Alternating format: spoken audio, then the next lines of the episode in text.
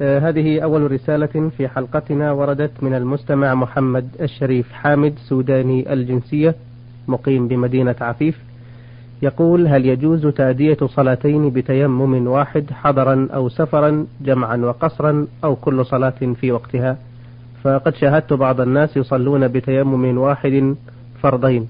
وإن كان لا يجوز فماذا على هؤلاء فعله؟ نعم. الحمد لله رب العالمين. وأصلي وأسلم على نبينا محمد خاتم النبيين وعلى آله وأصحابه أجمعين. الجواب على هذا السؤال ينبني على هل التيمم مبيح أو رافع للحدث؟ وهو محل خلاف بين أهل العلم. والراجح أن التيمم رافع للحدث ومطهر لأن الله سبحانه وتعالى يقول وإن كنتم مرضى أو على سفر أو جاء أحد منكم من الغائط أو لامستم النساء فلم تجدوا ماء فتيمموا صعيدا طيبا فامسحوا بوجوهكم وأيديكم منه. ما يريد الله ليجعل عليكم من حرج ولكن يريد ليطهركم وليتم نعمته عليكم. ولقول النبي صلى الله عليه وسلم جعلت الأرض مسجدا وطهورا. فالتيمم مطهر على ما تقتضيه هذه الآية الكريمة والحديث عن النبي صلى الله عليه وسلم. وإذا كان مطهرا فإنه رافع للحدث. وعلى هذا فيجوز للإنسان إذا تيمم لصلاة واستمر على طهارته ولم يوجد منه ناقض للوضوء يجوز له أن يصلي صلاتين فأكثر سواء صلاهما جمعا أو صلى كل صلاة وحدها. وعلى هذا فإذا تيمم لصلاة الفجر مثلا وبقي لم ينقض لم يحدث منه ما ينقض الوضوء إلى الظهر فإنه يصلي صلاة الظهر بالتيمم الذي تيممه لصلاة الفجر. وكذلك لو بقي إلى العصر وإلى المغرب وإلى العشاء لم يوجد منه ما يكون ناقضا للوضوء فإنه يكون على طهارته أي طهارة تيممه الذي تيممه لصلاة الفجر. هذا هو القول الراجح. ولا يبطل التيمم إلا بما يبطل طهارة الماء أو بوجود الماء إذا كان تيمم لعدم الماء أو بزوال المبيح من مرض أو غيره إذا تيمم لذلك. فعلى هذا نقول إن هؤلاء الذين يراهم السائل يصلون صلاتين فأكثر بتيمم واحد نقول إن صلاتهم هذه صحيحة وليس عليهم حرج ما داموا باقين على طهارتهم. جزاكم الله خيرا. آه هذه رسالة من السائل صاد عين من القصيم البكيرية. آه يقول الرجل عندما يمر بحادث سيارة هل يتقدم لينقذ المصابين في الحادث؟ وإذا كان بينهم نساء هل يجوز حمل هؤلاء النساء في سيارته؟ مع عدم وجود محرم لهن أم ماذا يفعل؟ فربما لو تركهن لتضاعف الألم وربما تحدث نتائج غير طيبة. نقول إنه يجب على المرء المسلم إذا رأى أخاه المسلم في أمر يخشى منه الهلاك يجب عليه أن يسعى لإنقاذه بكل وسيلة. حتى إنه لو كان صائما صيام الفرض في رمضان. نعم. وحصل شيء يخشى منه الهلاك على أخيه المسلم واضطر إلى أن يفطر لإنقاذه فإنه يفطر لإنقاذه.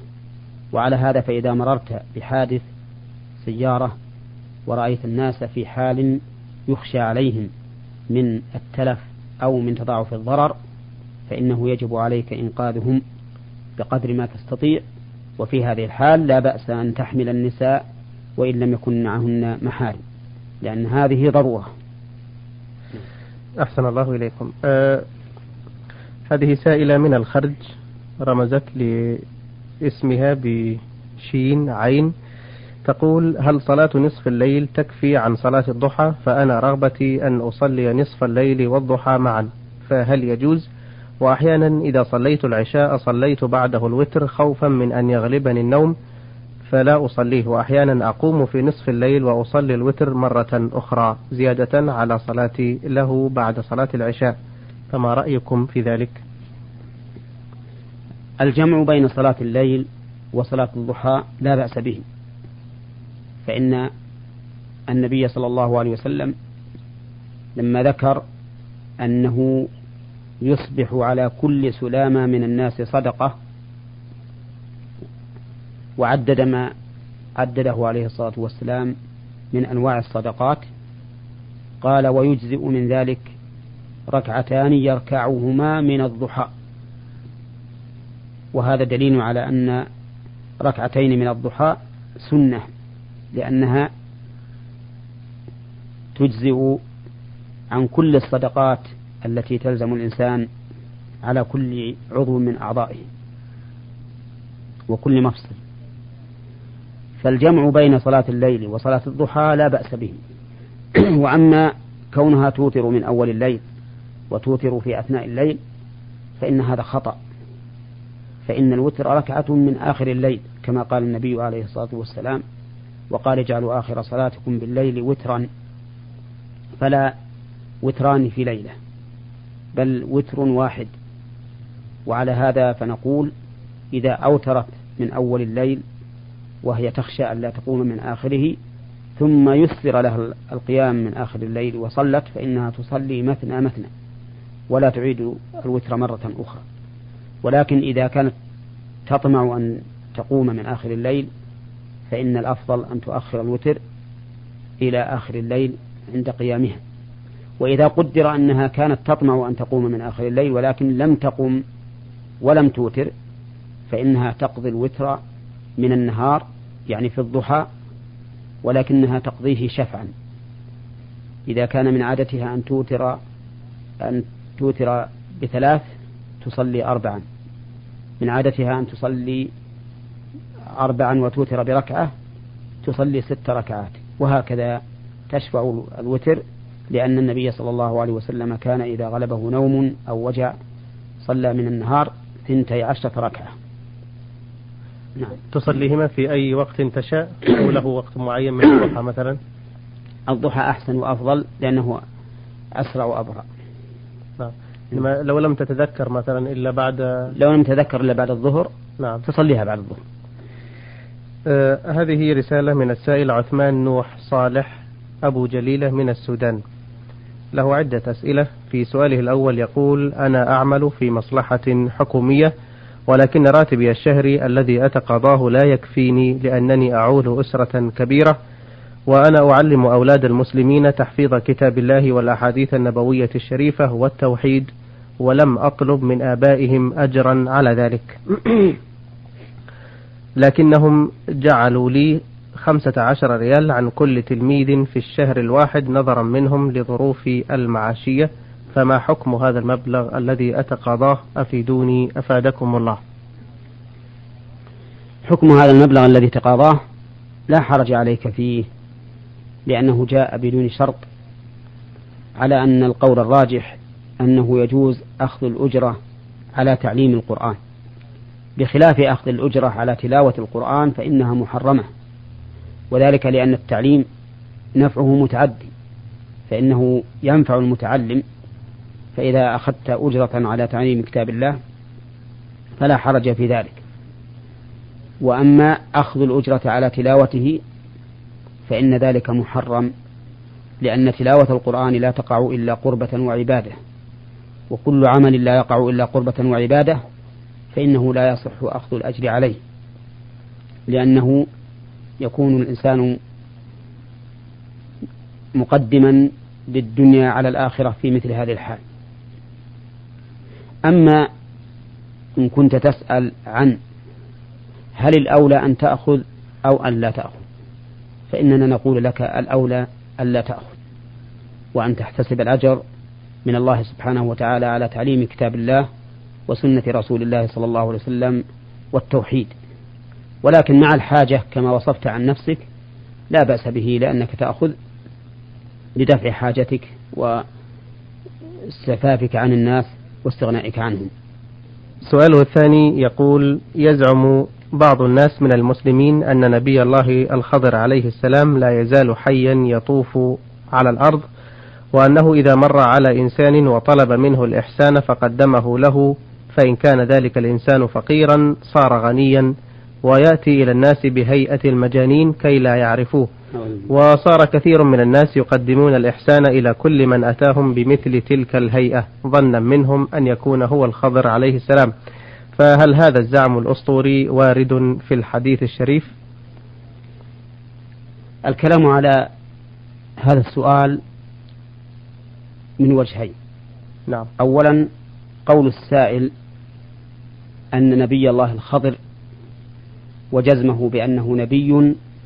هذا محل خلاف بين أهل العلم. هل كان الخضر نبيا أو كان وليا؟ أعطاه الله سبحانه وتعالى.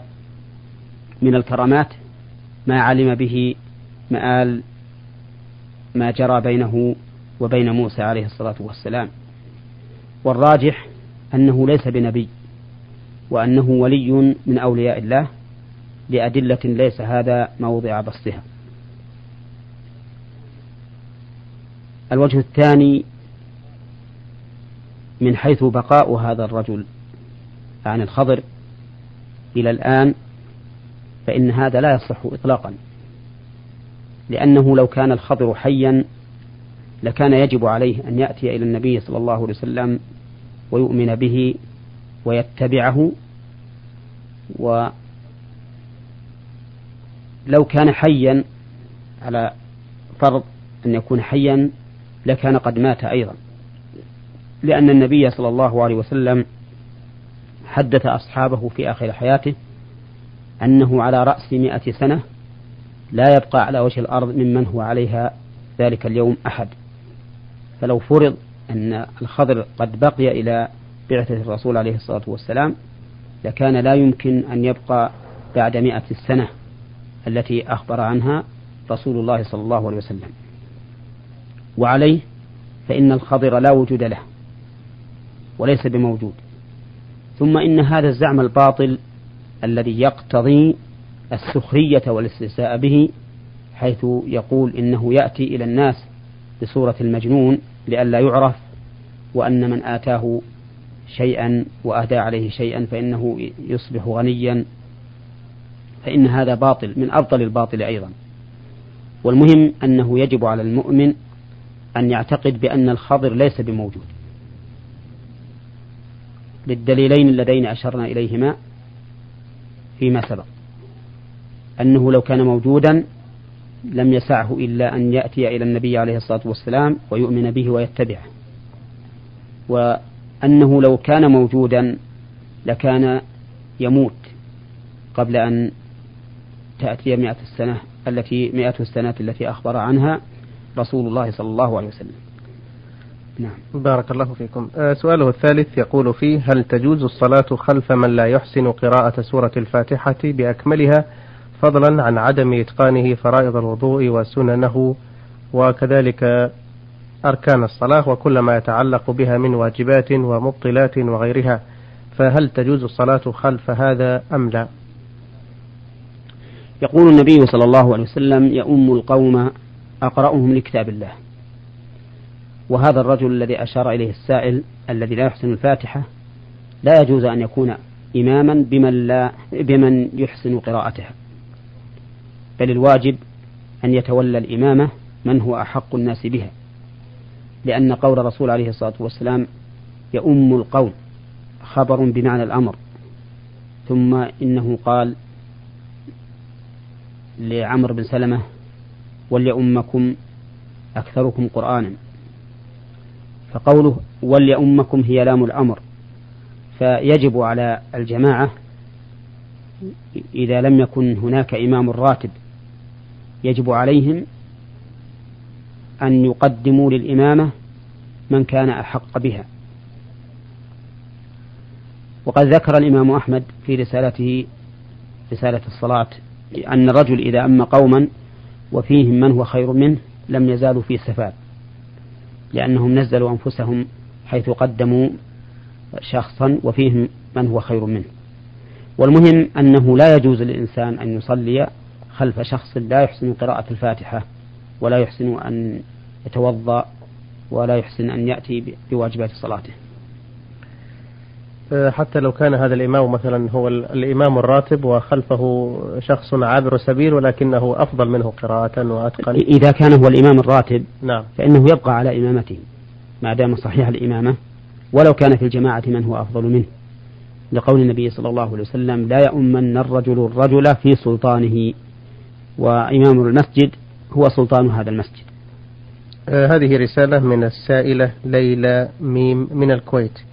تقول أنا شابة مسلمة أبلغ من العمر أربعة وعشرين عاما وكنت طوال هذه الفترة قد أديت فريضة الصلاة ولكن بطريقة متقطعة والذي يحيرني أنني أريد أن أنتظم بعون الله في الصلاة.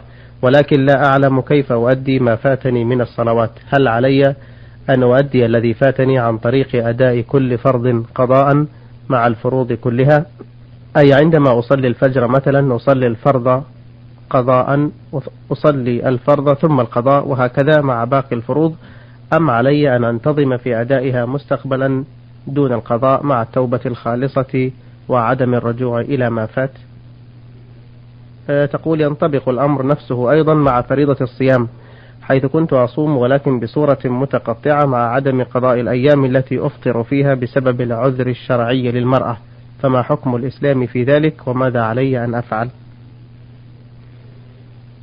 أما المسألة الأولى وهي عدم صلاتها فإنها لا تقضي ما فات. ذلك لأنها قد تعمدت تأخير الصلاة عن وقتها. والمتعمد لتأخير الصلاة عن وقتها لا يقضي. وذلك لأن العبادة المؤقتة بوقت معلوم من قبل الشرع. لا يجوز أن تفعل قبل وقتها ولا يجوز أن تؤخر عن وقتها. فإذا أخرها الإنسان عن وقتها بدون عذر فإنها لا تقبل منه ولو صلاها. وليس معنى قولنا إنه لا يصلي من باب الرأفة به ولكنه من باب هجره وعدم الرضا عنه لأنه أخرها عمدا بدون عذر. ولا نقول إنه إذا كان الشرع قد أوجب عليه قضاء الصلاة عند النوم والنسيان فإذا أخرها عمدا كان وجوب قضائها من باب أولى.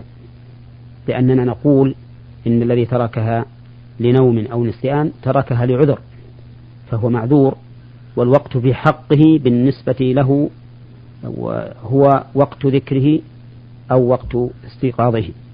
أما هذا فقد تعمد بدون عذر أن لا يصلي الصلاة في الوقت التي الذي حدده الله لها وعلى هذا فلا يقضي ما فاته إذا كان قد أخره بدون عذر لأنه لا يقبل منه. ولكن على هذه المرأة وعلى غيرها أيضا ممن من الله عليهم ورجعوا إلى العمل الصالح أن يتوبوا إلى الله سبحانه وتعالى بالندم على ما مضى والعزم على أن لا يفعلوا مثله في المستقبل ويصلحوا أعمالهم والله سبحانه وتعالى يتولى الصالحين. أما بالنسبة للصيام وهي وهو عدم قضاء الأيام التي كانت تفطرها من أجل العذر فإن عليها أن تقضي هذه الأيام لأنها أخرتها عن وقتها معذورة وكان الواجب عليها القضاء وهو لا يتحدد بوقت معين لقوله تعالى ومن كان مريضا أو على سفر فعدة من أيام أخر فلما كان لا لا يتقيد بوقت معين كان قضاؤه الآن هو الواجب عليها. والله أعلم. آه، إن كانت لا تحصي هذه الأيام التي أفطرتها؟ إذا كانت لا تحصيها فإنها عليها أن تحتاط. تجتهد في التقدير؟ و... وتتحرى. فإذا غلب على ظنها أنها ثلاثة ثلاث سنوات مثلا كل سنة سبعة أيام تصوم واحد وعشرين يوما وهكذا. أحسن الله إليكم. إخوتنا الكرام في ختام لقائنا هذا اليوم نتوجه بشكرنا الجزيل